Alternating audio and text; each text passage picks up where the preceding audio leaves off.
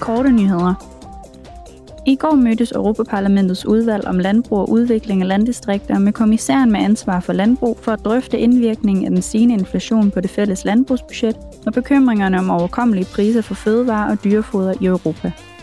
I en særskilt debat drøftede parlamentsmedlemmerne også Ukraines landbrugsproduktion og landets eksport af landbrugsprodukter. I denne uge vil parlamentet offentliggøre alle resultaterne af Eurobarometer-undersøgelsen fra 2022, der blev gennemført mellem oktober og november sidste år.